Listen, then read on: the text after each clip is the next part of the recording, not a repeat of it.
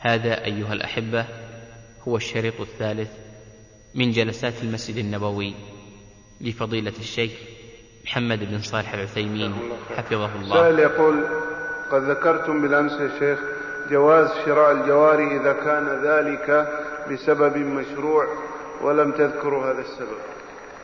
إيش؟ ذكرتم البارحة يقول جواز شراء الجواري الإماء إذا كان ذلك بسبب مشروع. نعم. البارحة عندما قال نعم. إذا كان الرق ثبت بسبب شرعي بطريق شرعي. وذلك لأنه يوجد أناس يبيعون بناتهم. يوجد أناس يبيعون بناتهم فهل إذا باعوهن يكن أرقاء؟ لا. يوجد ناس يسرقون البنات. ويبيعونهن هل يكون هذا آه، طريقا شرعيا؟ لا.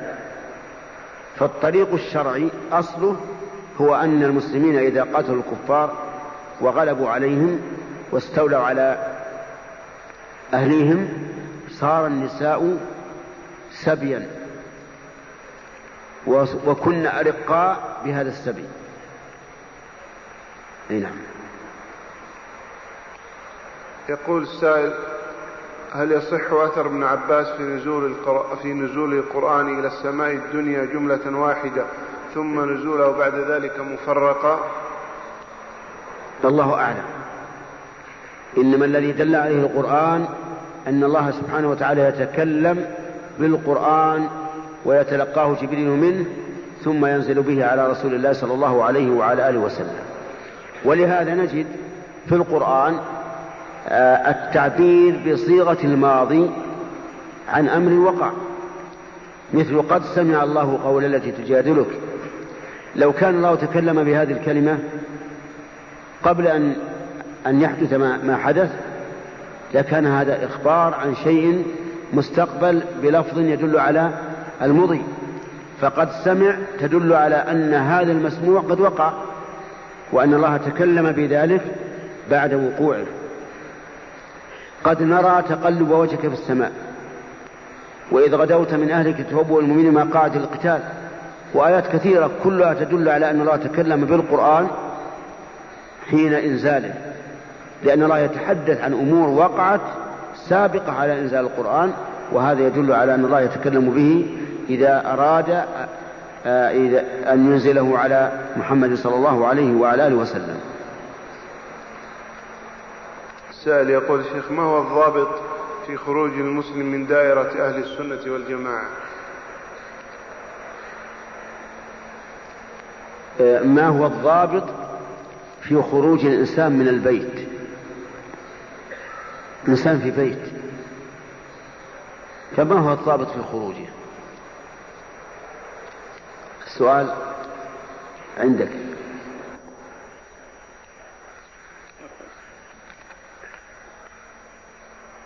إنسان في البيت ما هو الضابط في خروجه من البيت؟ لا هذا هو السبب. يخرج الشغل لا بأس هذا سبب. الضابط أن يخرج من الباب ولا لا؟ إذا خرج من الباب قيل خرج من البيت. أسرع. فالضابط إذن في الخروج عن أهل السنة والجماعة أن يخرج عن طريقهم.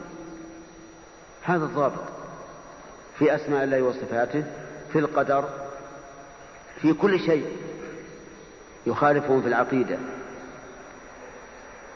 فمثلا إذا قال أنا لا أثبت من صفات الله إلا ما أثبته عقلي والذي يثبته عقلي من الصفات هي سبع أو عشر أو عشرين أو ثلاثين.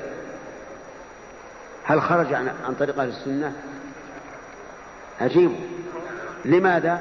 لأن أهل السنة يثبتون كل ما أثبته الله لنفسه من الصفات. طيب لو قال في القدر إن الله سبحانه وتعالى لم يخلق أفعال العباد. ما خلقها؟ إنما يخلق أفعال نفسه.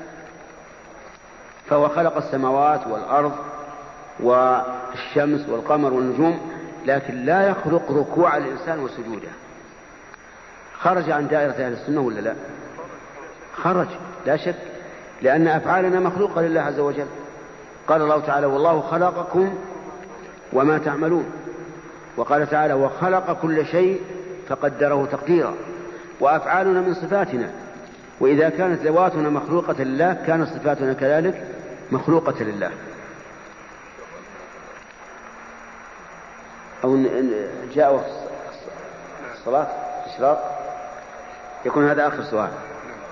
السائل يقول هل يصح قولنا يا ساتر؟ وهل الساتر صفة أو اسم من أسماء الله؟ الساتر صفة من صفات الله. صفة من صفات الله.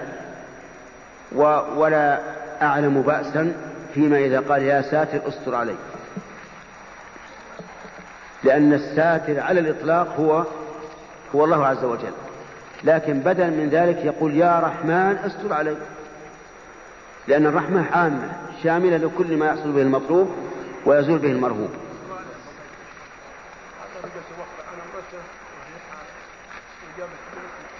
قبل توفر المعروف العادة تعد عشر سنوات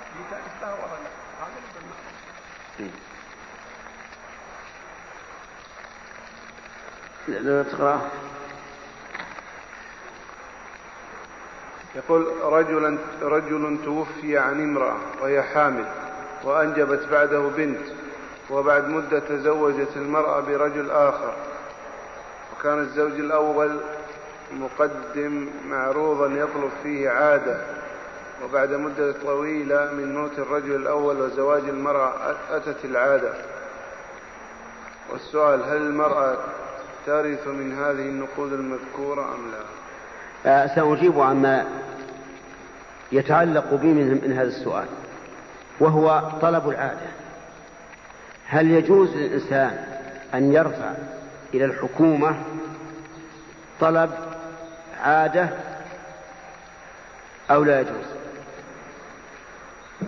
الجواب لا يجوز إلا إذا كان محتاجا لقول النبي صلى الله عليه وعلى آله وسلم لأمير المؤمنين عمر بن الخطاب ما جاءك من هذا المال وأنت غير مشرف ولا سائل فخذه.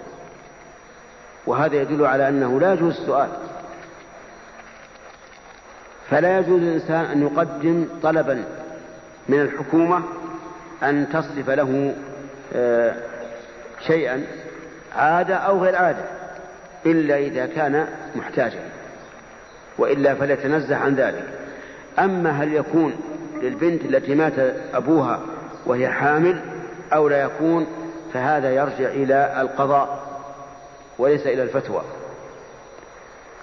وإلى اللقاء إن شاء الله تعالى بعد صلاة المغرب في هذا المكان.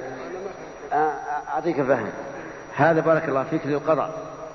اذهبوا إلى المحكمة اذهبوا إلى المحكمة ولتقريب إن شاء الله خير والله يا شيخ غير حصلت الله يجزاك اي لكن بس أنا هي المره الثالثه هذه ما ما للقضاء القاضي. المحكمة الحمد لله رب العالمين. وأصلي وأسلم على نبينا محمد خاتم النبيين وإمام المتقين وعلى آله وأصحابه ومن تبعهم بإحسان إلى يوم الدين. أما بعد فإنه جرت العادة أن يكون ابتداء اللقاء الكلام على ما تيسر من تفسير ما سمعناه في في قراءة المغرب. ولكن نظرا لأن هذه الليلة ليلة الجمعة ينبغي أن نتكلم عن شيء من خصائص هذا اليوم العظيم. هذا اليوم العظيم يوم الجمعة يوم جعله الله تعالى عيدا للأسبوع. وما طلعت الشمس ولا غربت على يوم أفضل من يوم الجمعة باعتبار أيام الأسبوع. وخير يوم طلعت عليه الشمس يوم عرفة باعتبار أيام السنة. هذا اليوم يوم العيد من الله به على هذه الأمة وأضل عنه اليهود والنصارى.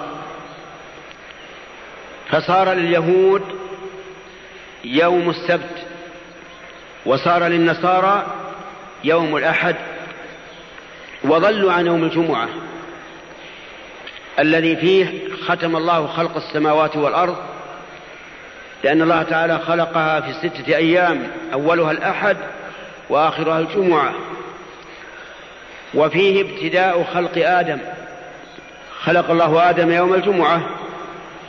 وفيه أخرج من الجنة وأهبط إلى الأرض. فيكون مبدأ خلق البشر يوم الجمعة. وفيه تقوم الساعة. فيكون منتهى الخلق أيضا. متى؟ يكون منتهى الخلق يوم الجمعة فهو يوم عظيم. ولهذا اختص بأحكام نذكر منها ما تيسر. من ذلك أنه اختص بفرض صلاة الجمعة. وهذه الصلاة يشترط فيها الجماعة باتفاق المسلمين. فلا تصح صلاة الجمعة من منفرد. لا في البيت كالمرأة والمريض ولا في المساجد بل لا بد من الجمعة من الجماعة فيها. فلو قدر أن إنسانا صلى وحده يوم الجمعة وقال أريد أن تكون جمعة قلنا له إن صلاتك غير صحيحة ويجب عليك أن تعيدها. هذه الصلاة لا بد فيها من جمع ثلاثة فأكثر. غيرها من الصلاة تنعقد باثنين بإمام ومأموم. أما الجمعة فلا بد فيها من جمع ثلاثة فأكثر. واختلف العلماء رحمهم الله في العدد الذي لا بد منه في صلاة الجمعة. فمنهم من قال أربعون رجلا.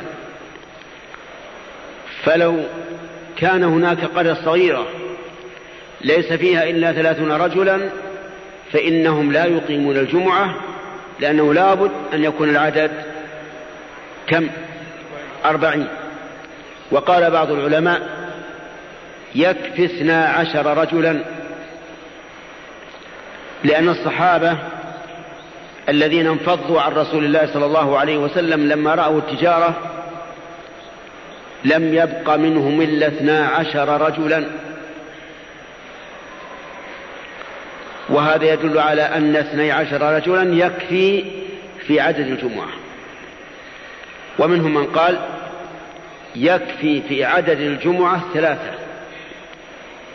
فلو فرض أن قرية ليس فيها مستوطنون سوى ثلاثة نفر فإنها تقام الجمعة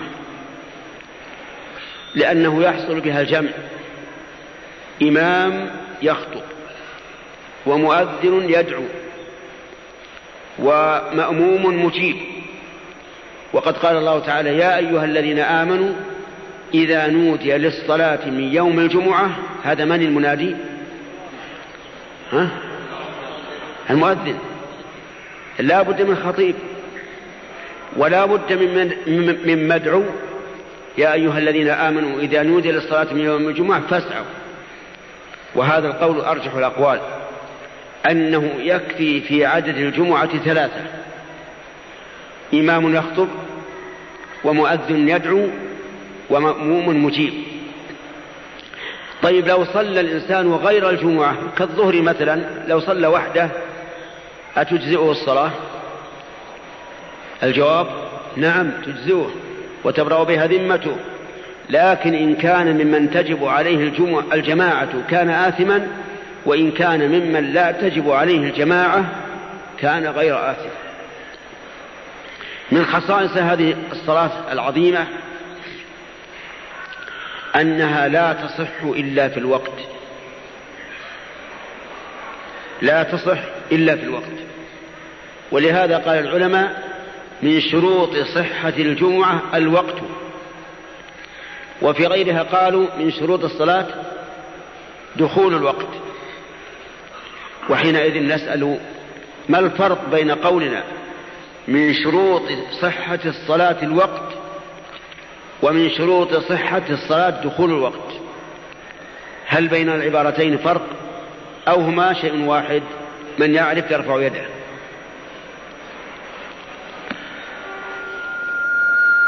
تفضل.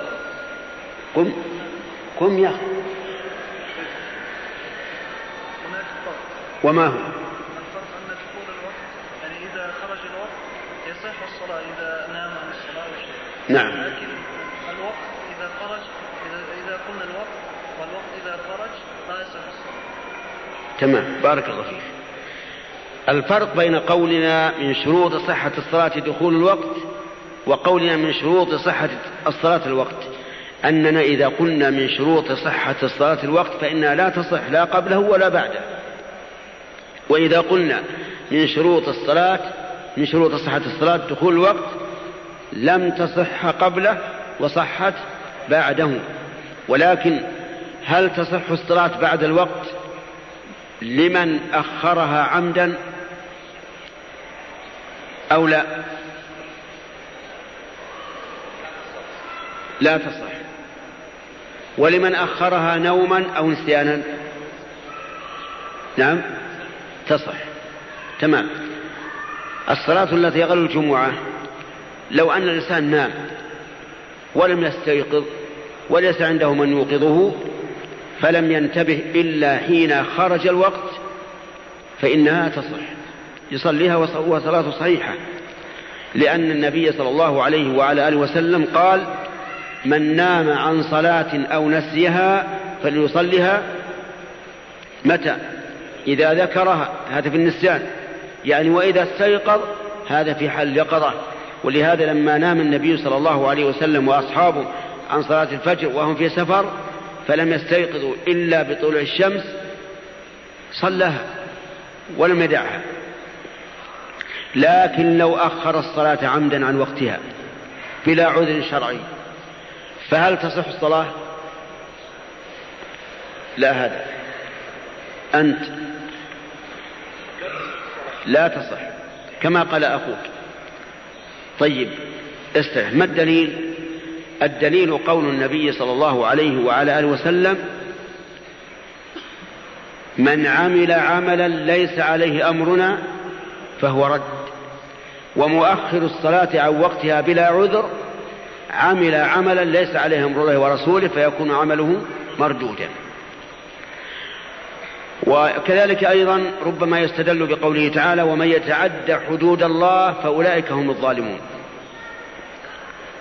والمخرج والمخرج للصلاة عن وقتها بلا عذر متعد لحدود الله فيكون ظالما والظالم لا يقبل منه. إنه لا يفلح الظالمون. من خصائص الجمعة أنها لا تكون إلا في الأوطان في المدن والقرى. غير الجمعة في أي مكان؟ طيب والجمعة؟ في الأوطان والقرى. أحسنت. الدليل على هذا أن النبي صلى الله عليه وعلى آله وسلم كان يسافر. الأسفار الطويلة وتمر به الجمعة ولم يكن يقيمها في السفر. ولو كانت الجمعة واجبة على المسافر لأقامها النبي صلى الله عليه وعلى آله وسلم. وأعجبوا أن يوم عرفة في حجة الوداع صادف يوم إيش؟ الجمعة ومع ذلك لم يصلي النبي صلى الله عليه وسلم يوم عرفة صلاة الجمعة كما في حديث جابر الطويل الذي رواه مسلم أن النبي صلى الله عليه وسلم نزل بالوادي فخطب الناس خطبة معروفة بليغة ثم أمر بلالا فأذن ثم أقام فصلى الظهر ثم أقام فصلى العصر هكذا قال جابر رضي الله عنه ولقد ظل من قال إن الجمعة تقام في السفر وخرج عن هدي النبي صلى الله عليه وسلم وعليه إذا فعل أن يعيدها. إن كان يريد إبراء ذمته وإقامة حجته عند الله عز وجل لأن هذا ليس موضع اجتهاد حتى يقال لا إنكار في مسائل الاجتهاد. هذا السنة فيه واضحة أجلى من النهار في في ارتفاع الشمس. ولا عذر لأحد أن يقيم صلاة الجمعة في السفر إطلاقا. لكن لو صادف أنك في بلد نازل تريد أن أن تواصل السفر في آخر النهار وجب عليك أن تصلي مع المسلمين. لأن الله يقول يا أيها الذين آمنوا إذا نودي للصلاة من يوم الجمعة فاسعوا إلى ذكر الله.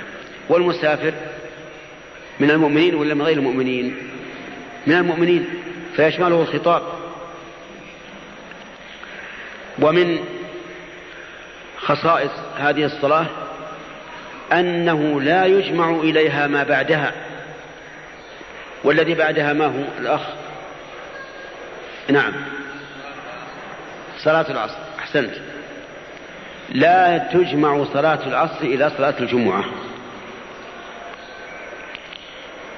فلو أن الإنسان كان مسافرا نازلا من بلد ويريد أن يواصل السير بعد صلاة الجمعة وصلى مع الناس صلاة الجمعة فإنه لا يضم إليه العصر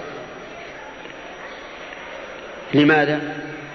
لأن السنة إنما وردت في الجمع بين الظهر والعصر وصلاة الجمعة ليست صلاة ظهر بالاتفاق لا أحد يقول إن صلاة الجمعة صلاة ظهر وعلى هذا فنقول واصل السفر وإذا دخل وقت العصر وأنت في السفر فصلي حيثما أدركتك الصلاة. ومن خصائص هذه الصلاة العظيمة أن القراءة فيها جهر. القراءة فيها جهر. وغيرها سر إلا ما كان مثلها في جمع الناس فيكون جهرا. ولهذا نرى أن صلاة العيدين القراءة فيها جهر الكسوف جهر حتى في النهار لو كسبت الشمس فالقراءة فيها جهر الاستسقاء جهر لأن الناس مجتمعون. فهذا الاجتماع الموحد جعل القراءة في الصلاة جهرا ولو كانت نهارية. واضح يا جماعة؟ هل هل فهمتم ما قلت أو لا؟ مفهوم؟ إذا من خصائص صلاة الجمعة أنها إيش؟ أن القراءة فيها جهر بخلاف الظهر. وذلك من أجل أن يجتمع هذا الجمع الكبير على قراءة واحدة وهي قراءة الإمام من خصائص صلاة الجمعة أنها تصادف ساعة الإجابة. تصادف ساعة الإجابة التي قال عنها النبي صلى الله عليه وسلم لا يوافقها عبد مسلم وهو قائم يصلي يسأل الله شيئا إلا أعطاه إياه. وهذه نعمة عظيمة. هذه ليست موجودة في صلاة الظهر مثلا لكنها في صلاة الجمعة. فأرجى ساعات الجمعة في الإجابة هي وقت الصلاة. أولا لأن ذلك جاء في صحيح مسلم من حديث أبي موسى الأشعري رضي الله عنه. وثانيا أن هذا اجتماع من المسلمين على عبادة واحدة بقيادة واحدة يعني إمام واحد وهذا الاجتماع يكون أقرب إلى الإجابة ولهذا في يوم عرفة حين يجتمع المسلمون على صعيد عرفة ينزل الله عز وجل إلى السماء الدنيا يباهي بهم الملائكة ويجيب دعاءهم. لذلك احرص يا أخي على الدعاء في هذا الوقت. وقت ساعة صلاة الجمعة. لكن من أين تدخل هذه الساعة ومتى تخرج؟ تدخل من حين أن يدخل الإمام إلى أن تقضى الصلاة. فلننظر الآن متى ندعو. دخل الإمام وسلم وبعد ذلك شرع. إيش؟ لا يا أخي غلط. دخل الإمام وسلم وبعد ذلك الأذان. الأذان ما فيه دعاء في إجابة المؤذن بعد الأذان فيه دعاء. أي بين الأذان والخطبة فيه دعاء. تقول بعد الأذان يا أخ. الله رب هذه الله رب. اللهم رب هذه الدعوة التامة. والصلاة القائمة آت محمدا الفضيلة والوسيلة وابعث الله مقاما محمودا الذي وعدته إنك لا تخلص الميعاد. بارك الله فيك. طيب. هذا يقال بعد متابعة المؤذن. ثم تدعو بما شئت. ما دام ما دام الخطيب لم يشرع في الخطبة فأنت في حل. ادعو الله بما شئت. كذلك أيضا بين الخطبتين تدعو الله بما شئت من خيري الدنيا والآخرة. كذلك أيضا في أثناء الصلاة. في السجود دعاء ولا لا؟ في السجود دعاء. نعم في السجود دعاء.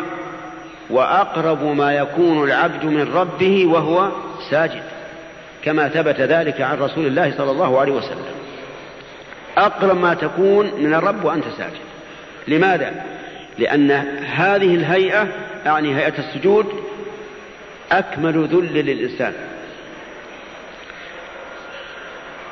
أي عضو فيك أشرف؟ الوجه؟ الوجه. أين تضعه في السجود؟ في الأرض موطئ الأقدام. موطئ الأقدام. فرأسك جبهتك مساوية لأصابع رجليك. بهذا الذل والتطامن العظيم صار الإنسان أقرب ما يكون من ربه جل وعلا لأن من تواضع لله رفعه. أقرب ما يكون العبد من ربه وهو ساجد استغل هذه الفرصة. أكثر من الدعاء. دعاء إيش؟ بأي شيء تدعو؟ بأي شيء؟ بالذي تريد. من خيري الدنيا والآخرة. طيب لو قال الإنسان في دعائه اللهم ارزقني سيارة جميلة. يصلح؟ يصلح. قال النبي صلى الله عليه وسلم ليسأل أحدكم ربه حتى شراك نعله. حتى شراك النعل. ثم الدعاء نفسه عبادة. فإذا دعوت الله بأي غرض؟ لو قال الطالب وهو في أيام الامتحان اللهم ارزقني نجاحا إلى درجة ممتاز. يصلح؟ يصلح. هذا دعاء لا تخاطب الله. والممنوع مخاطبة الآدميين. لكن مخاطبة الله بالدعاء ليست ممنوعة. طيب فيه محل دعاء ثاني في الصلاة؟ بعد التشهد. كما في حديث ابن مسعود حين ذكر النبي صلى الله عليه وسلم التشهد ثم قال بعده ثم ليتخير من الدعاء ما شاء. وكلمة ما شاء عند علماء الأصول تفيد إيش؟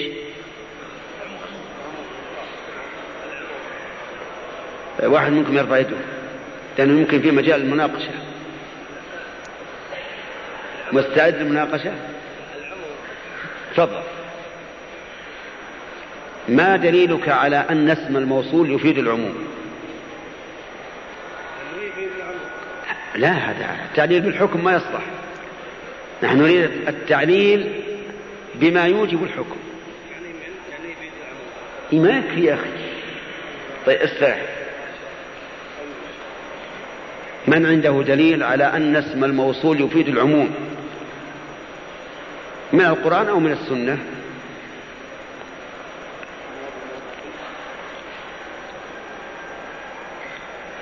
والذي جاء بالصدق وصدق به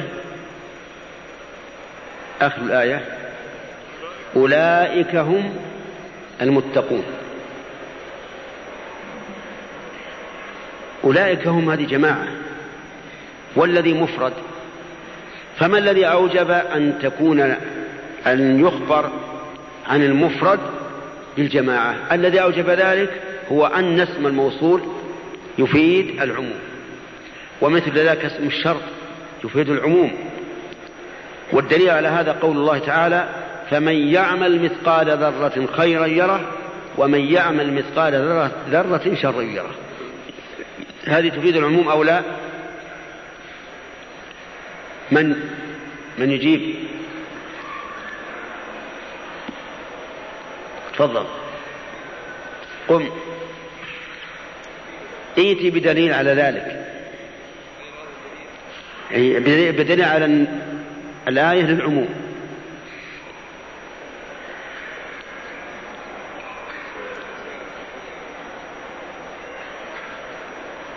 طيب استرح.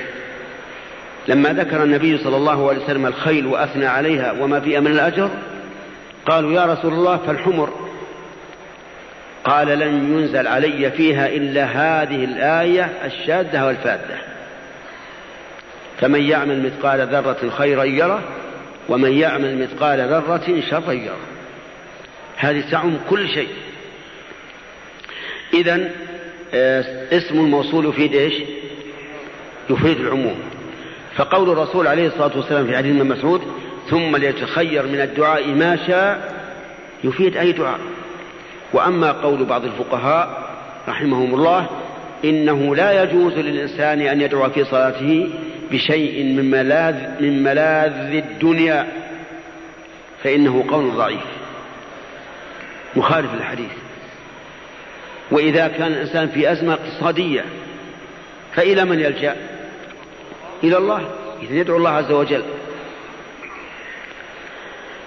فصار عندنا الآن في ساعة الإجابة وقت صلاة الجمعة عدة أماكن أو عدة مواطن للدعاء. فانتهز الفرصة يا أخي. انتهز الفرصة بالدعاء في صلاة الجمعة لعلك تصادف ساعة الإجابة. هناك أيضا ساعة أخرى ترجى فيها الإجابة من نفس اليوم وهي ما بعد العصر. ما بعد العصر. إلى أن تغرب الشمس. لكن هذا القول أشكل على بعض العلماء وقال إن النبي صلى الله عليه وعلى آله وسلم قال وهو قائم يصلي. وبعد العصر ما في الصلاة. أجاب عنه العلماء فقالوا إن منتظر الصلاة في حكم المصلي لقول النبي صلى الله عليه وسلم ولا يزال في صلاة ما انتظر الصلاة. من خصائص هذا هذه الصلاة أنه يجب الغسل لها كما يغتسل الإنسان للجنابة. يجب أن يغتسل لها كما يغتسل للجنابة. وجوبا. في الشتاء وفي الصيف. الدليل. قول النبي صلى الله عليه وعلى آله وسلم غسل الجمعة واجب على كل محتلم. واجب. من القائل واجب؟ الرسول عليه الصلاة والسلام. وهو أعلم الخلق بشرع الله. ولا يمكن أن يطلق على شيء مستحب إنه واجب. يعني لو قال لو كان كذلك لكان الأمر خطيرا. فهو أعلم الخلق بشريعة الله. وهو أفصح الخلق بما ينطق به. موافقون على هذا؟ هذا جواب هش يا جماعة. أقول هل هو أفصح الخلق بما ينطق به؟ نعم. ونجيب جوابا ساطعا. ما هو جواب ميت؟ هو أفصح الخلق بما ينطق به. طيب. وهو أنصح الخلق للخلق. موافقون على هذا؟ نعم. والله. أنصح الخلق للخلق. وهو أصدق الخلق خبرا. نعم. هو يقول غسل الجمعة واجب. بعد أن قدمت لك هذه المقدمات احكم أنت. غسل الجمعة واجب ثم قرن الوجوب بما يقتضي التكليف وهو قوله على كل محتلم لأن المحتلم هو الذي تجب, عليه الواجبات. والمحتلم ليس معناه الذي احتلم بالفعل. المحتلم بالفعل يجب عليه الغسل من الجنابة ولو في يوم الاثنين أو الثلاثة أو الاربعاء لكن هذا غسل الجمعة واجب على كل محتلم أظن أننا لو قرأنا هذه العبارة في مصنف من مصنفات الفقه لم يبقى عندنا شك بأن المؤلف يرى إيش؟ يرى الوجوب. فكيف والناطق به محمد رسول الله صلوات الله وسلامه عليه؟ ثم إن في الغسل فائدة للبدن تنشيطا وتنظيفا. طيب ويدل للوجوب ما جرى بين عمر وعثمان رضي الله عنهما. كان عمر يخطب الناس فدخل عثمان في أثناء الخطبة. فكأن عمر لامه على تأخره. قال والله يا أمير المؤمنين ما زدت على أن سمعت الأذان فتوضأت ثم أتيت. مشغول. قال له عمر أمام الناس وهو يخطب. والوضوء أيضا يعني تقتصر على الوضوء أيضا تجي متأخر وقد قال النبي صلى الله عليه وسلم إذا أتى أحدكم الجمعة فليغتسل.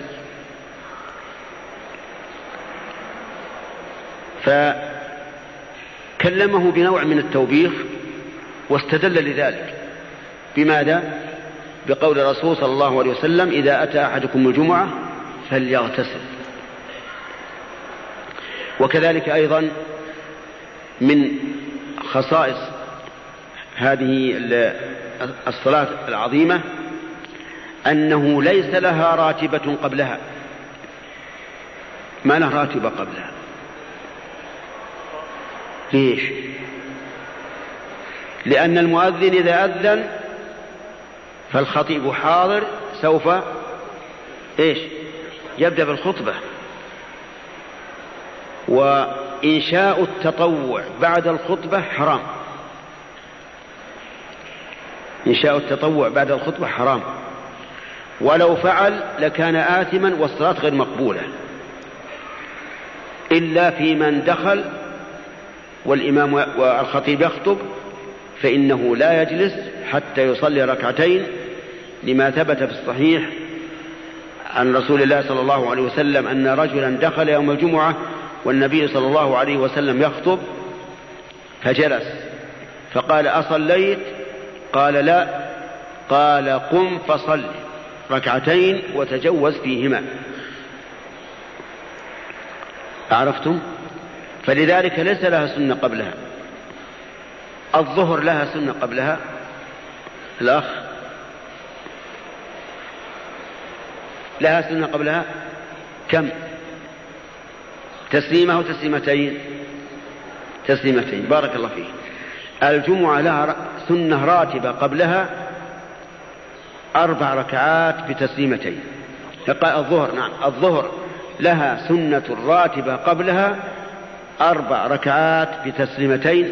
أما الجمعة فليس لها راتبة قبلها لكن من جاء قبل أن الأذان الثاني فليتطوع بما شاء بدون حد. هل لها راتبة بعدها؟ نعم لها راتبة بعدها. ثبت عن النبي صلى الله عليه وسلم أنه يصلي بعدها ركعتين في بيته. وقال إذا صلى أحدكم الجمعة فليصلي بعدها أربعا. فعندنا الآن سنة قولية وسنة فعلية. القولية كم؟ أربع ركعات. تمام. والفعلية؟ ركعتان. أحسنت. كيف نجمع بينهما؟ هل نأخذ بالسنة الفعلية أو بالسنة القولية؟ أو نأخذ بهما جميعا أو نفصل؟ كم الاحتمالات الآن. كم الاحتمالات؟ أربعة. هل نأخذ بالسنة القولية؟ فنقول سنة الجمعة أربع ركعات. أو بالسنة الفعلية فنقول سنة الجمعة كم؟ ركعتان. أو نجمع بينهما فتكون السنة ست ركعات. أو نفصل والتفصيل أذكره لكم إن شاء الله. فالاحتمالات كم الآن؟ أربع. من العلماء من قال السنة ركعتان في البيت. لأن هذا فعل النبي صلى الله عليه وسلم وقد قال الله تعالى لقد كان لكم في رسول الله أسوة حسنة. ومن الناس من قال السنة أربع سواء صلاها في البيت أو في المسجد. لقول النبي صلى الله عليه وعلى آله وسلم إذا صلى أحدكم الجمعة فليصلي بعدها أربعا وقوله مقدم على فعله عند التعارض. ومنهم من قال الاحتياط إيش؟ الاحتياط جماعي الأخ. الاحتياط. ما تدري؟ طيب. الاحتياط ها؟ إيش؟ إيه وش الاحتياط؟ الاحتياط أن يأتي بالسنة القولية والفعلية فيصلي ستا. أما شيخ الإسلام ابن تيمية رحمه الله ففصل. قال إن صلى في بيته فالسنة ركعتان فقط. وإن لأن الرسول لم يزد على ركعتين في بيته. وإن صلى أربعا ففي المسجد وهذا تفصيل لا بأس به. تفصيل لا بأس به. طيب إذا تختص الجمعة أو تفارق الجمعة الظهر بأنه ليس لها راتبة قبلها وراتبتها بعدها ركعتان. إن صلى في البيت وأربع إن صلى في المسجد. طيب. أما يوم الجمعة فله خصائص. الآن تكلمنا عن خصائص الصلاة. يوم الجمعة له خصائص. منها أنه يسن للإنسان أن يقرأ فيه سورة الكهف كاملة. وليس في فجر يوم الجمعة كما يفعل بعض الأئمة الجهال بل في غير الصلاة لأن لأن فجر يوم الجمعة يقرأ فيه بسورتين معروفتين يبينهما لنا الأخ. سورة السجدة وسورة الإنسان. تمام. طيب استرح لكن يقرأ سورة الكهف في اليوم يعني في غير الصلاة قبل الصلاة قبل صلاة الجمعة أو بعدها. يجوز هذا وهذا. سواء قرأت سورة الكهف قبل صلاة الجمعة أو بعدها يحصل الأجر. بخلاف الاغتسال فإنه لا بد أن يكون قبل الصلاة. ومنها أي من خصائص يوم الجمعة اليوم أنه يقرأ في فجره ألف لام ميم تنزيل السجدة في الركعة الأولى. وهل أتى على الإنسان في الركعة الثانية؟ اقتداء برسول الله صلى الله عليه وعلى آله وسلم. وما يفعله بعض الجهال من الأئمة حيث يقسم ألف لام ميم تنزيل السجدة بين الركعتين أو يقتصر على نصفها ويقرأ نصف هل أتى فهو خطأ. خطأ. نقول لهذا إما أن تقرأ بالسورتين كاملتين وإما أن تقرأ بسورة أخرى. لئلا تخالف السنة. أعرفت لأن هناك فرق. بين, يقرأ بين من يقرأ بسورتين أخريين فيقال هذا فاتته السنة.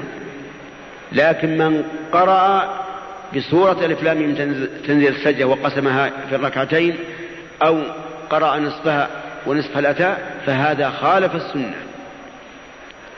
وفرق بين المخالفة وبين عدم فعل السنة لأن الأول أشد. ومن خصائص يوم الجمعة أنه ينبغي فيه إكثار الصلاة على النبي صلى الله عليه وعلى آله وسلم. أكثر من الصلاة على نبيك محمد عليه الصلاة والسلام الذي هو أعظم الخلق حقا عليك أعظم حقا من أمك وأبيك ويجب أن تبديه بنفسك ومالك. أكثر من الصلاة عليه يوم الجمعة. وقد و... لأن النبي صلى الله عليه وعلى آله وسلم أمر بذلك. ومن خصائص هذا اليوم أنه لا يصام وحده إلا من صادف عادة فصامه. يعني لا يمكن أن تفرد يوم الجمعة بصوم. فإما أن تصوم يوم الخميس معه وإما أن تصوم الأخ. قم. قم ولا تجب الليلة أي, أي ليلة؟ وغدا. يوم الجمعة. والنعاس عند استماع الذكر. نعم. طال عنك النوم الآن؟ استرح. طيب استمع. يوم الجمعة لا يصام وحده. يعني إما أن تصوم يوم الخميس أو أو أو السبت. تصوم معه السبت. إلا من كان له عادة فصادف عادته مثل أن يكون ممن يصوم يوما ويفطر يوما. فصادف يوم الجمعة يوم يوم صومه. فلا بأس يصوم ولا حرج. وكذلك لو كان يوم الجمعة يوم عرفة. صم ولا حرج. وكذلك لو صادف يوم الجمعة يوم عاشوراء صم ولا حرج ولكن يوم عاشوراء يختص بأنه يصام يوما يوم قبله أو يوم بعده مخالفة لمن؟ لليهود. أما يوم السبت فصومه جائز لمن أضاف إليه الجمعة. من فضلك. اقلب الشريط. طيب استمع. يوم الجمعة لا يصام وحده. يعني إما أن تصوم يوم الخميس أو أو أو السبت. تصوم معه السبت.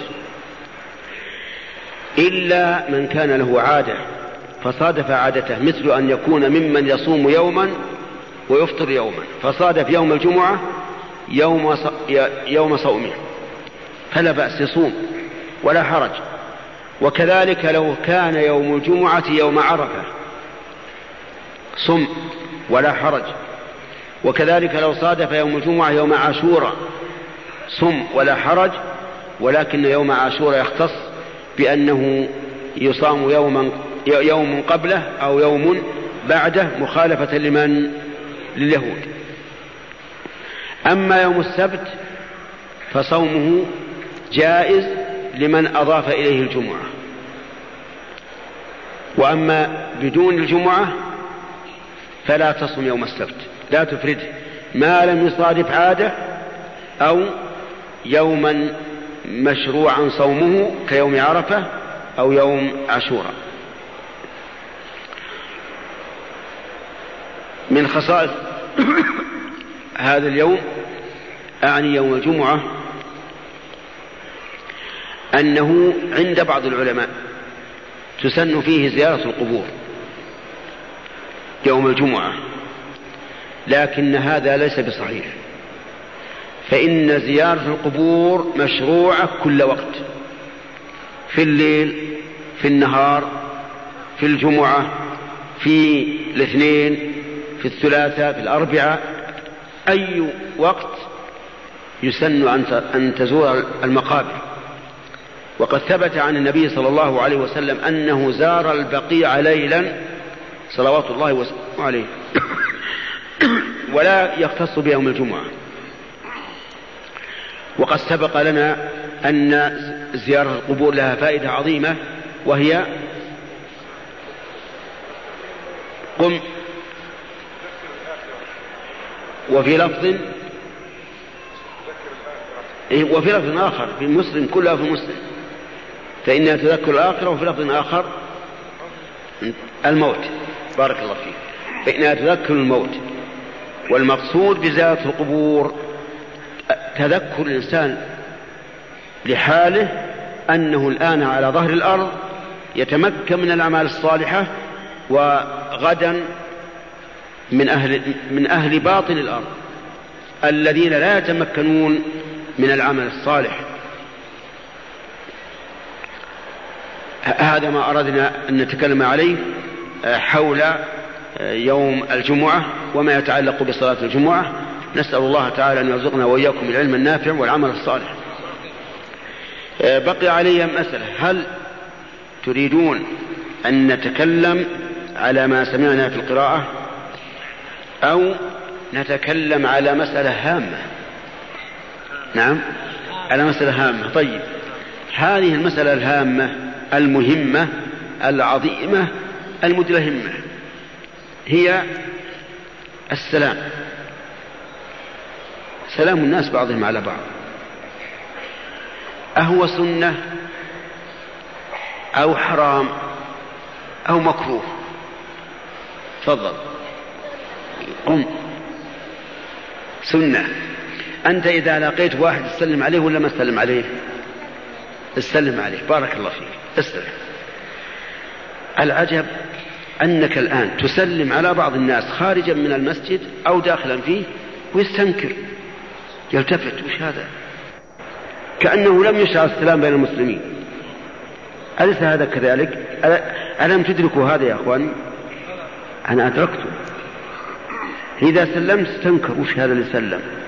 كأنه ليس في بلاد المسلمين مع أن السلام له فضائل عظيمة منها أنه سبب لدخول الجنة.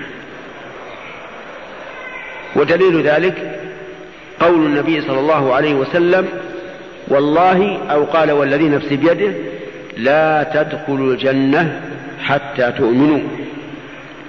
كمل الحديث. كمل. قم. لا تعرف الحديث؟ هذا مهم الحديث.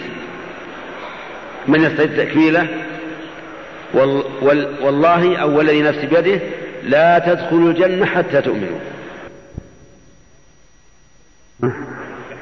طيب خلاص خذوا كمل.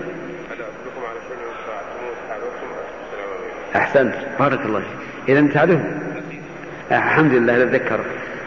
طيب لا تدخلوا الجنة حتى تؤمنوا. ولا تؤمنوا حتى تحابوا.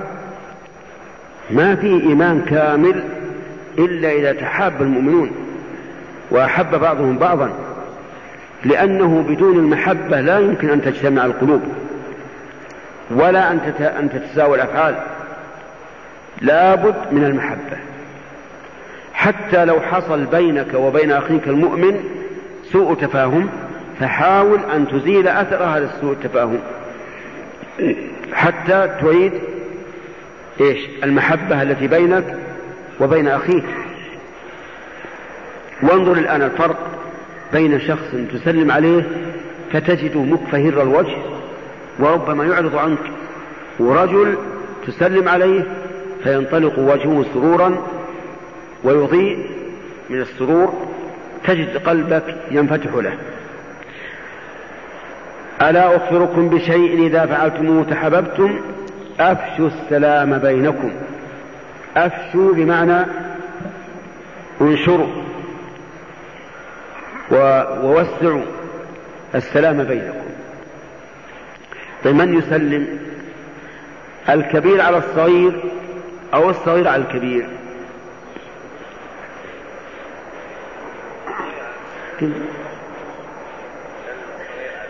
بارك الله فيك. الصغير على الكبير. من يسلم الراكب على الماشي أو الماشي على الراكب؟ الراكب على الماشي. بارك الله فيك. من يسلم القليل على الكثير أو الكثير على القليل؟ ها؟ شو القليل على الكثير. بارك الله فيك.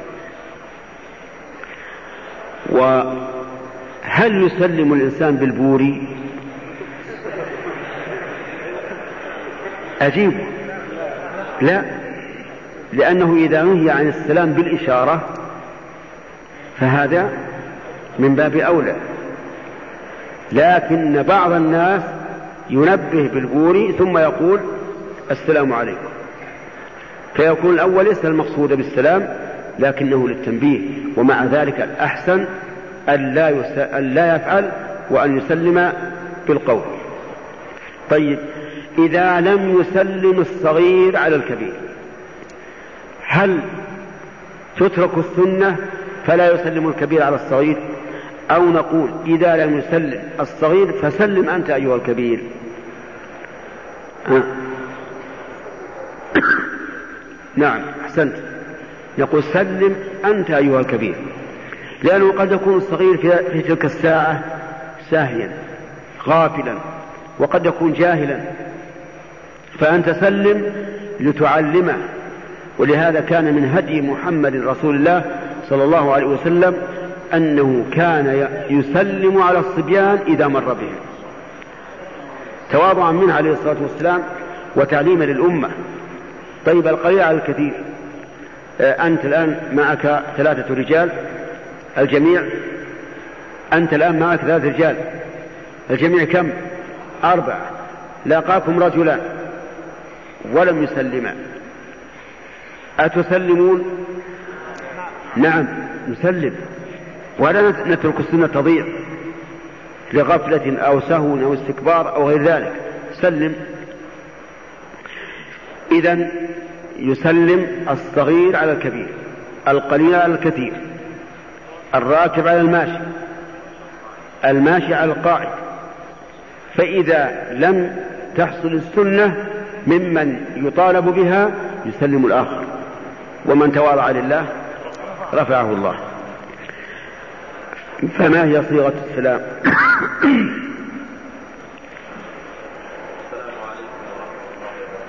طيب.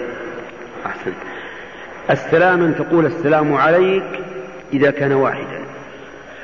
السلام عليكم إذا كان جماعة.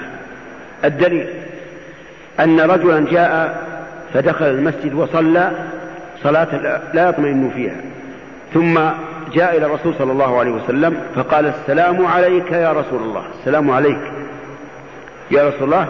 فرد عليه السلام وقال صل ارجع فصلي فإنك لم تصلي. طيب وإذا كنت تخاطب اثنين. فقل السلام عليكم لأنه يجوز مخاطبة الاثنين بصيغة الجمع. وإذا كنت تسلم على أمك ماذا تقول؟ السلام عليك يا أمي. عليك. ليش؟ لأن الكاف إذا خوطب بها امرأة تكون مكسورة. طيب وإذا دخلت على خالاتك وهن أربع أو خمس ماذا تقول؟ السلام عليكن ورحمة الله وبركاته. لأن الكاف للخطاب فتكون على حسب المخاطب. وماذا وبماذا يرد المسلم عليه؟ تفضل.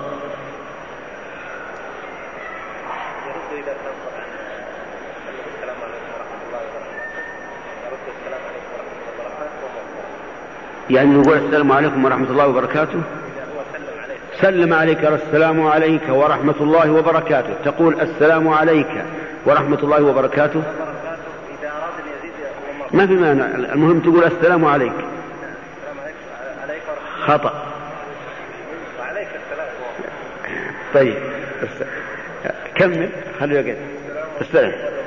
طيب. تقول عليكم السلام ورحمة الله وبركاته. بالواو أو بدونها. بالواو. وبدونها أيضا. يعني وعليكم السلام أو تقول عليكم السلام.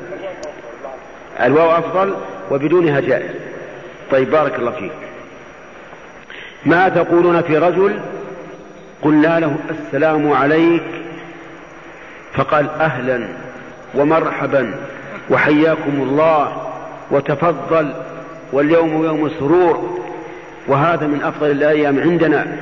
وفقك الله وزادك علما وتقوى وهدى أيكون قد رد السلام؟ الأخ كم أقول هل هذا رد السلام الواجب ولا لا؟ ليس برد السلام. طيب مع أنه ذكر سطرين يمكن في رد السلام. بارك الله فيك. اسرع. أقول لو أن الإنسان ملأ الدنيا كلها برد ليس فيه عليك السلام فإنه لا يعد رادا للسلام. ويكون آثما لأن رد السلام واجب بالمثل أو أو أحسن. كقول الله تبارك وتعالى وإذا حييتم بتحية فحيوا بأحسن منها أو ردوها. فبدأ بالأحسن ثم قال أو ردوها. وهذا هو الواجب.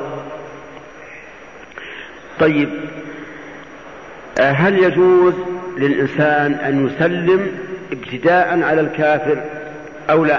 الأخ. أي نعم. نعم. ما دليلك؟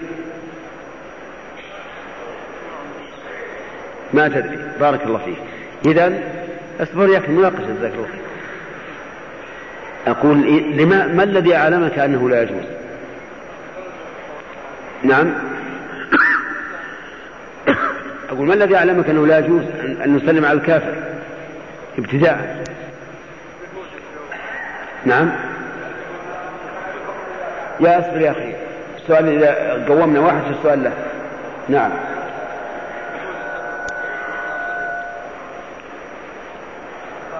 أنا أسأل ابتداء مررت برجل كافر يهودي أو نصراني أو مجوسي أو أي إنسان. كافر تبدأ بالسلام. أسألك تبدأه بالسلام أو لا؟ ما الدليل؟ كيف تحكم بما لا تعرف دليله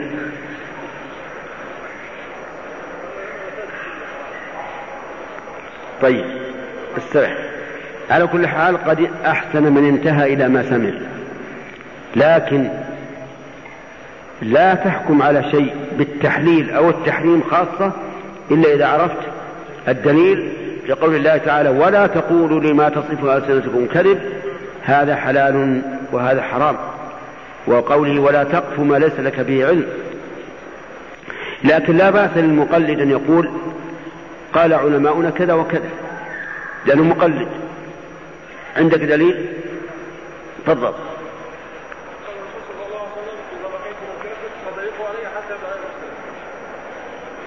لا أعرف هذا اللفظ. هل أنت تجيز رواية الحديث بالمعنى؟ هل تجيز أن, تروي أن يروى الحديث بالمعنى؟ ما يجوز؟ أجل إذا أخطأت. تفضل. قوله عليه الصلاة والسلام إذا لقيتم أهل الكتاب فلا تكفرون بالسلام استرح قال النبي صلى الله عليه اله وسلم لا تبدأ اليهود ولا النصارى بالسلام. وإذا لقيتموهم في طريق فاضطروه إلى أضيقه. اضطروهم إلى أضيقه. فلا يجوز أن تبدأ اليهودي أو النصراني أو المشرك أو الشيوعي بالسلام. لكن إذا سلموا فهل يجب علي أن أرد أو لا يجب؟ تفضل. يجب. ما الدليل؟ يكفينا منك الحكم بارك الله فيك وأصلحك الله. نعم. الدليل. تفضل كما عندما اتى عندما اتى اليهودي يسلم على رسول الله في المسجد فرد الرسول عليه السلام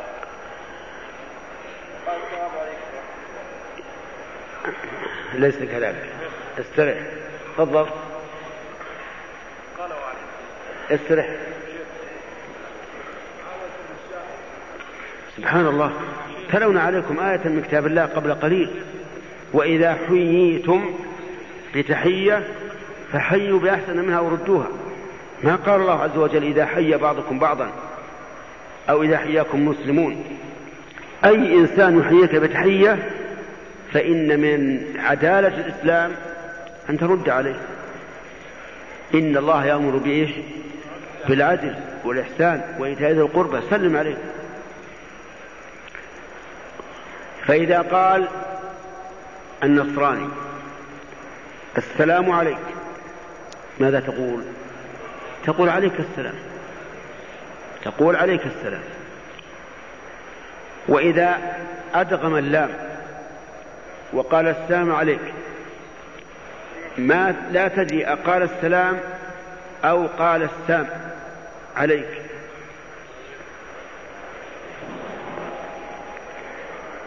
أقول وعليك. وعليك. بارك الله فيك. أحسنت. هكذا أمرنا رسول, رسول الله صلى الله عليه وسلم. أن نقول إذا سلموا علينا وعليكم. وقد علل الرسول عليه الصلاة والسلام هذا بقوله إن اليهود كانوا يقولون إذا سلموا عليكم السلام عليكم فقولوا وعليكم قال أهل العلم وهذا يدل على أنهم لو قالوا السلام باللام الواضحة فإنه يقال عليكم السلام ولا بأس. لعموم قوله تعالى وإذا حييتم بتحية فحيوا بأحسن منها أو ردوها ولكن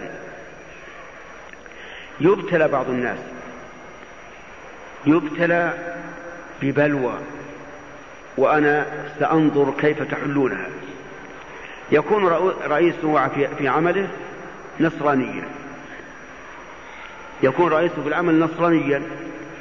فيدخل المكتب. يريد أن يتفاهم مع هذا الرئيس. فهل يسلم أو لا يسلم الأخ؟ أنت. لا يسلم يزعل عليك وسقطك طبعا. نعم.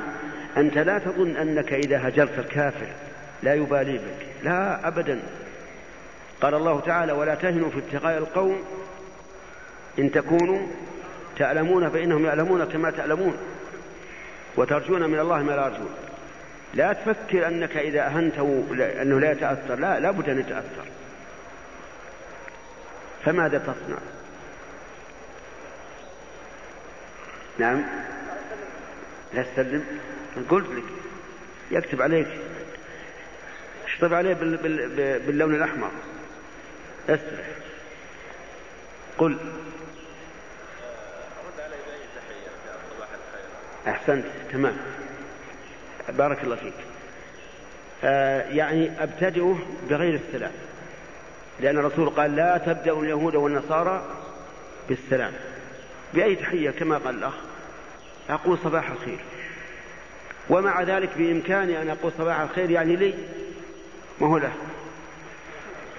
لأن التأويل بابه واسع.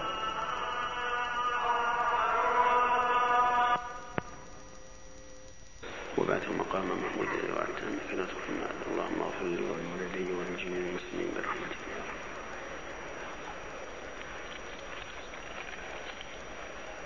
رب أه، سمعتك أظن. ماذا قلت لما قال حي على الصلاة؟ كيف تقول هكذا؟ لأن النبي صلى الله عليه وسلم أمر بذلك أحسنت. لكن أليس الناس الآن إذا أصابتهم مصيبة قالوا لا حول ولا قوة إلا بالله؟ فهل هذه مصيبة إذا دعاك للصلاة هل هي مصيبة إذا دعاك إلى الصلاة؟ أجل كيف؟ جزاك الله خير. لا حول ولا قوة إلا بالله هذه كلمة استعانة. كلمة استعانة. قال النبي صلى الله عليه وسلم لأبي موسى يا عبد الله بن قيس ألا أدلك على كنز من كنوز الجنة؟ قال بلى. قال لا حول ولا قوة إلا بالله. كنز من كنوز الجنة. لأن معناها الاستعانة. كأنك تقول أجيب وسمعا وطاعة لكن لا حول لي ولا قوة إلا بالله. واضح؟ بارك الله فيك. استرح أعجبني يقول الأخ الطالب هذا لأن الرسول صلى الله عليه وسلم أمرنا بها. هذا جواب سديد. لقول الله تعالى وما كان لمؤمن ولا مؤمنة إذا قضى الله ورسوله أمرا أن يكون لهم الخيار من أمرهم. ولأن عائشة لما سألتها معاذة ما بال الحائض تقضي الصوم ولا تقضي الصلاة؟ قالت كان يصيبنا ذلك فنؤمر بقضاء الصوم ولا نؤمر بقضاء الصلاة. والآن إلى الأسئلة وأخبركم غدا أنه ليس فيه درس في الصباح لأنه يوم جمعة. اي نعم. يستريح الناس ثم يتقدمون إلى الجمعة. من راح في الساعة الأولى فكأنما قرب الأخ بدنه. طيب. ومن راح في الثانية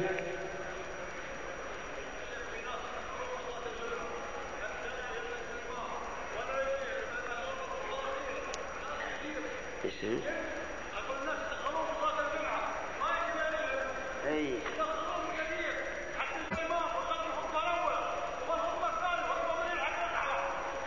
جزاك الله خير.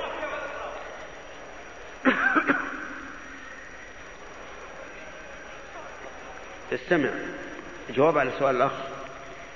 قال الله تعالى ثم أورثنا الكتاب الذين اصطفينا من عبادنا. وهم هذه الأمة. فمنهم ظالم لنفسه. ومنهم مقتصد. ومنهم سابق بالخيرات بإذن الله. ذلك هو الفضل الكبير.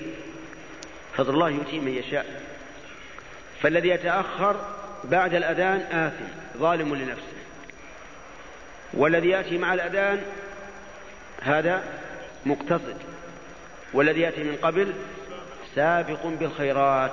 وقد بدأنا الآن من راح في الساعة الأولى فكأنما قرب. وفي الثانية نعم أحسنت وفي الثالثة؟ لا. لا يا أخي. أسترح. نعم. قم. ما هو أنت؟ فكأنما قرب. كبشا أقرن. إيش فضل الكبش الأقرن؟ هذا أنه دليل على قوته. بارك الله فيك. ومن راح في الساعة الرابعة فكأنما قرب الأخ نعم. فكأنما قرب الدجاجة. قف يا أخي. ومن راح في الخامسة؟ طيب أصبر. ما هي الساعات التي أشار إليها الرسول عليه الصلاة والسلام؟ هل هي ساعاتنا هذه؟ يعني ستين دقيقة أم ماذا؟ ها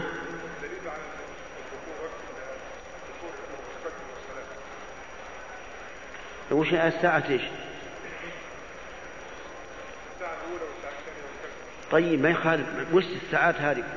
هل تقدر الساعة الأولى بأنها طويلة أو قصيرة؟ الإمام بيقدم الساعة السادسة حسب ترتيب الحديث لكن هذه الساعات الخمس السابقة على على قدوم الإمام وش تقدرها به؟ هل تجعل الأولى قصيرة من أجل الناس أن أن يبادر يبادر الناس بالحضور أو تجعل الساعات سواء؟ أي هذه المناقشة. ولهذا أنت أنت من حين أجبت أول مرة ويمكن قبل أن تجاوب جلست. ما يصلح. لابد من المناقشة طيب تفضل. زين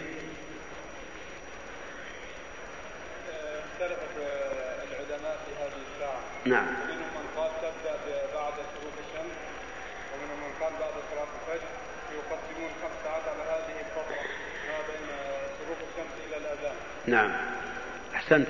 هل تختلف طولا وقصرا في الشتاء والصيف؟ أي نعم. هل تختلف في الطول باعتبار باختلاف الصيف آه، أو باختلاف الفصول؟ إي نعم. الفترة في الشتاء بين بين الشروق والآذان قصيرة نعم. الصيف طويلة. إذا تختلف باختلاف الفصول بارك الله فيك. جيد. آه، ناخذ أسئلة؟ طيب. إلا رديت عليه بآية من كتاب الله. ثم أورثنا الكتاب الذين اصطفينا من عبادنا فمنهم ظالم نفسه ومنهم مقتصد ومنهم سابق بالخيرات. ولا شك أن الذي يتأخر إلى مجيء الإمام قد حرم نفسه خيرا كثيرا. لا سيما إذا لم يكن له شغل. وهنا أيضا مشكلة. تجد بعض الناس يأتي ويتقدم لكن لا يشتغل بالعبادة. يأتي إليه أخوه صاحبه ثم يتكلمان. وربما يتكلمون في أعراض الناس والعياذ بالله. في بيت من بيوت الله. وهذا خطأ. إذا أتيت فصلي وإذا مللت فاقرأ وإذا مللت سبح وهلل كبر. أي نعم. نعم. يلا بسم الله والحمد لله والصلاة والسلام على خير خلق الله سيدنا. محمد وعلى آله. سائل يقول هل يجزئ الغسل للجمعة في ليلة الجمعة أي قبل طلوع فجر يوم الجمعة؟ لا يجزئ. يعني الغسل للجمعة لا يجزئ إلا إذا كان بعد طلوع الشمس. أما ما بين طلوع الشمس وطلوع الفجر فأنا أتردد فيه. وذلك لأن ما بين طلوع الف... لأن النهار شرعا ما بين طلوع الفجر وغروب الشمس. ولغة ما بين ما هي لغة؟ فلكا. ما بين طلوع الشمس وغروبها. فهل نحمل اليوم على اليوم الفلكي أو على اليوم الشرعي؟ من المعلوم أن نحمله على اليوم الشرعي لكن يعكر على ذلك أن ما بين طلوع الفجر إلى طلوع الشمس وقت لصلاة الفجر. لا يندب الإنسان فيه إلى أن يتقدم إلى الجمعة بل هو وقت صلاة الفجر. فعلى كل حال أن نقول أما من يغتسل بعد طلوع الشمس فقد أصاب السنة وامتثل الأمر ولا إشكال وأما ما بين طلوع الفجر وطلوع الشمس فهو محل نظر. وعلى هذا فالاحتياط ألا يغتسل إلا بعد طلوع الشمس. نعم. جزاكم الله خيرا. سائل يقول من الناس من لا يصلي إلا صلاة الجمعة محتجا بقول الرسول صلى الله عليه وسلم الجمعة إلى الجمعة كفارة لما بينهما. نعم. ولو احتج بقول الرسول العمرة إلى العمرة كفارة لما بينهما وترك الصلاة كم طيب بعد؟ نعم سبحان الله. الرسول عليه الصلاة والسلام قال الجمعة إلى الجمعة كفارة لما بينهما لكن قيد ذلك. قال ما لم تغش الكبائر وأي كبيرة أعظم من ترك الصلاة؟ هذا فهم خاطئ. أعني الذي يقول أنا أصلي الجمعة وأقول كما قال النبي عليه الصلاة والسلام الجمعة إلى الجمعة كفارة لما بينهما. نقول الحديث مقيد. ما لم تغش الكبائر وفي لفظ آخر إذا اجتنبت الكبائر. أي كبيرة أعظم من ترك الصلاة؟ لا شيء. لأن ترك الصلاة كفر. نعم. جزاكم الله خيرا. سائل يقول قلتم حفظكم الله لا يجمع آه، إلى الجمعة ما بعدها أي صلاة العصر. السؤال ألا تحل الجمعة مكان الظهر؟ لا. لا تحل الجمعة مكان الظهر. والأصل وجوب فعل الصلاة في وقتها. لقول الله تعالى إن الصلاة كانت على المؤمنين كتابا موقوتا. وإذا كانت الجمعة تخالف الظهر في أكثر من عشرين مسألة فلا يمكن إلحاق إلحاقها بالظهر في الجمع بأن تجمع إليه صلاة العصر. نعم. جزاكم الله خيرا. يقول السائل هل من السنة المواظبة على قراءة سورة السجدة والإنسان فجر الجمعة؟ دائما؟ نعم. كان النبي صلى الله عليه وسلم يقرأ بهما ويديم ذلك. وهذه اللفظة وإن لم تكن في الصحيحين لكنها لا لا تنافي ما في الصحيحين. لكن لو أنه خشي أن يظن العامة أن قراءتهما فرض فلا بأس أحيانا أن يقرأ بغيرهما. مثل في الشهر مرة في الشهرين مرة يقرأ بغيرهما يكون هذا جيدا. نعم. جزاكم الله خيرا. سائل يقول ما حكم رفع اليدين للمأمومين حينما يدعو الإمام أثناء الخطبة والتأمين جهرا؟ بعد الصلاة إن شاء الله.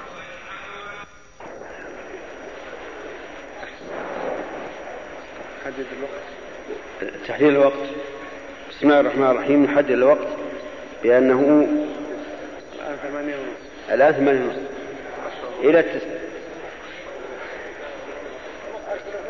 ما يخالف. إلى إلى التسع نصف ساعة ثلاثين دقيقة يا أخي. بسم الله. يقول السائل ما حكم رفع اليدين للمأمومين؟ من المراقب؟ أنا يا شيخ. أنت؟ طيب. ما حكم رفع اليدين للمأمومين حينما يدعو الإمام أثناء الخطبة والتأمين جهرا؟ آه، رفع الخطبة آه، رفع اليدين عند الدعاء في الخطبة إنما يشرع في في دعاء الاستسقاء فقط.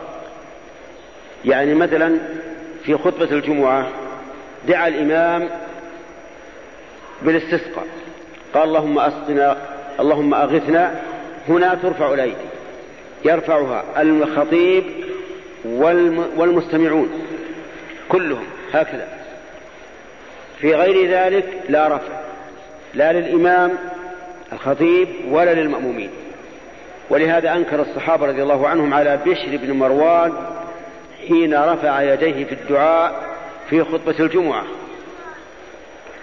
وإنما يشير الإمام إشارة فقط عند الدعاء يشير هكذا إشارة إلى علو المدعو عز وجل وهو الله تبارك وتعالى. أما التأمين جهرا فإن ذلك ينافي كمال الاستماع إلى الخطبة لكن إذا أراد أن يؤمن المأموم فليؤمن سرا ولا حرج عليه في ذلك.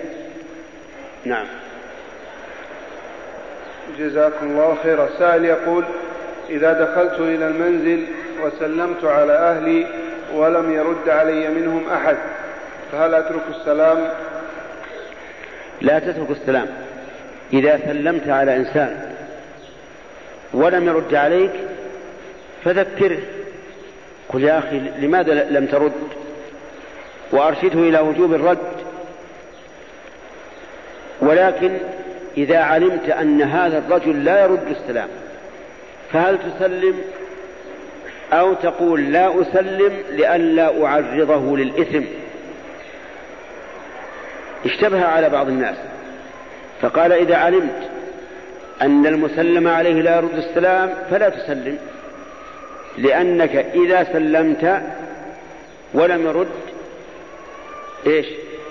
كان آثما فتكون أنت السبب له. فنقول هذا خطأ. هذه نظرية خاطئة لأنه إذا قصر هو في الواجب عليه فلا ينبغي لي أن أقصر فيما أمر به النبي صلى الله عليه وعلى آله وسلم حين قال أفشوا السلام بينكم. فأنت سلم وإذا لم يرد فانصح. وقل يا أخي أنت يجب عليك إذا سلم عليك أخوك المسلم أن ترد عليه السلام. نعم. جزاكم الله خيرا.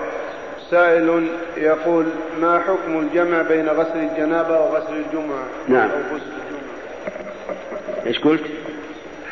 ما حكم الجمع بين غسل الجنابة وغسل الجمعة؟ لا بأس بذلك. يعني مثلا إذا كان الإنسان جنبا واغتسل ونوى بذلك رفع الجنابة والاغتسال للجمعة فلا حرج في هذا. كما لو أن الإنسان دخل المسجد وصلى ركعتين ينوي بهما الراتبة وتحية المسجد فلا بأس. وهنا نقول المسألة لا تخلو من أقسام ثلاثة. أن ينوي الجنابة فقط. أن ينوي غسل الجنابة والجمعة. أن ينوي غسل الجمعة فقط. فالأقسام بقي قسم رابع لكن لا يمكن أن يرد وهو لا ألا ينويهما. ألا ينويهما. هذا غير وارد. فإذا نوى غسل الجنابة أجزأ عن غسل الجمعة إذا كان بعد طلوع الشمس. وإذا نواهما جميعا أجزأ ونال الأجر لهما جميعا. وإذا نوى غسل الجمعة لم يكفه عن غسل الجنابة. لماذا؟ لأن غسل الجمعة واجب عن غير حدث. وغسل الجنابة واجب عن حدث فلا بد من نية ترفع هذا الحدث. نعم. يعني أولا يرفع الحدث الجنابة ثم يغتسل. يجمع بينهما؟ يجمع. أتريد هذا يعني؟ يعني يغتسل مرتين. لا. لا يغتسل مرتين وإن كان بعض العلماء قال بذلك لكنه لا وجه له.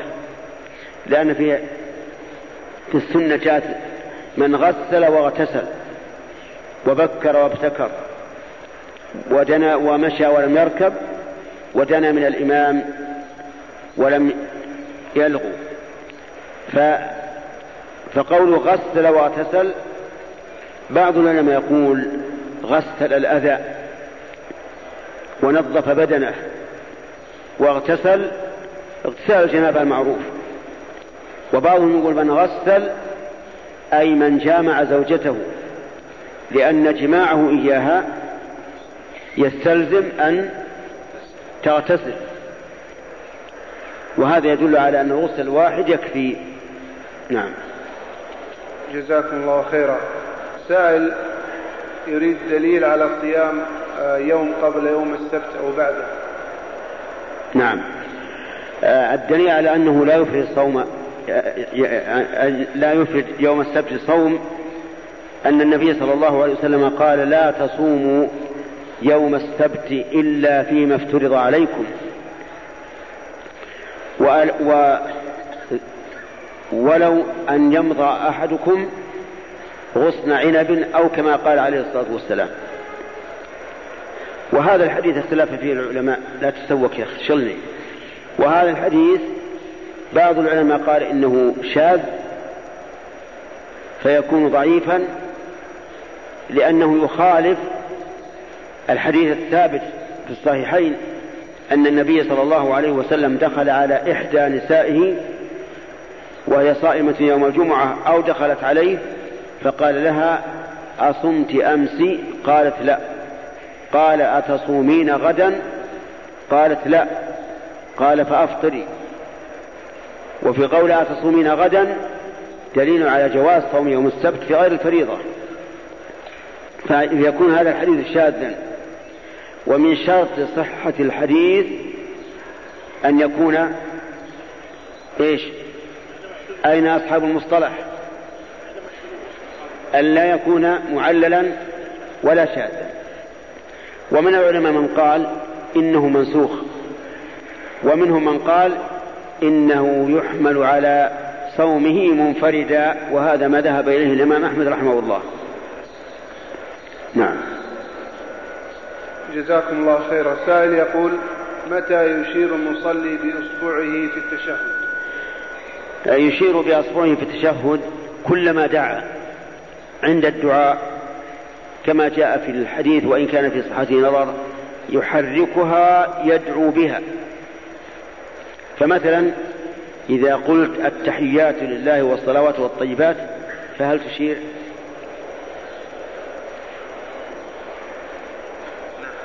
تشير؟ إذا قلت التحيات لله والصلوات والطيبات تشير؟ استرح. لا أشير لأنه ليس فيها دعاء. هذه ثناء على الله. السلام عليك أيها النبي ورحمة الله وبركاته. أتشير؟ لأنه لأنه دعاء. بارك الله فيه السلام علينا وعلى عباد الله الصالحين. لأنه لأنه دعاء. اللهم صل على محمد وعلى آل محمد. أشير. لأنه لأنه دعاء. أحسنت. اللهم بارك على محمد وعلى آل محمد. أشير. تشير لأنه دعاء. أعوذ بالله من عذاب جهنم ومن عذاب القبر ومن فتنة المحيا والممات ومن فتنة المسيح الدجال. تشير لأنه لأنه دعاء. أحسنت. هذا هي. جزاكم الله خيرا. سائل يقول أحيانا أصوم الاثنين والخميس وأعقد النية على الصيام في الليل وفي الصباح أذهب إلى عملي ولكن في بعض الأيام أشعر بالتعب والنعاس مما يضطرني إلى الإفطار. نعم. هل لي ذلك؟ أول نقول للإنسان الذي له عمل رسمي. إذا كان صومه يخل بالعمل فإن صومه حرام. سواء الاثنين أو الخميس أو أيام البيض لماذا؟ لأن القيام بوض... ب... بعمل الوظيفة واجب وصوم التطوع ليس بواجب. ولا يمكن أن يضيع الإنسان الواجب من أجل فعل المستحب. وهذه نقطة يخطئ فيها كثير من الناس. يتهاونون بأداء الواجب. ويفعلون السنة. فهم كالذين يبنون قصرا ويهدمون مصرا. وهذا غلط.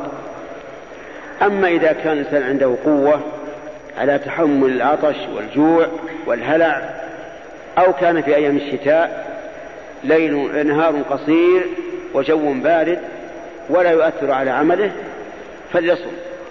وهذا وهذا وجواب السؤال نحن ذكرنا الآن قاعدة عامة لكن جواب السؤال أن هذا الرجل الذي وجد من نفسه كسلا وضعفا عن أداء الواجب نقول أفطر وجوبا. يجب عليك أن تفطر وتقوم بالعمل الواجب. نعم. جزاكم الله خيرا. سائل يقول هل الثوب الذي يلبس إلى أنصاف الساقين يعتبر ثوب شهرة في هذه الأيام؟ هو, على هو عند الناس يشيرون إليه بالأصابع. إذا رأوا رجلا من ممن أو من قوم يعتادون أن يكون اللباس نازلا.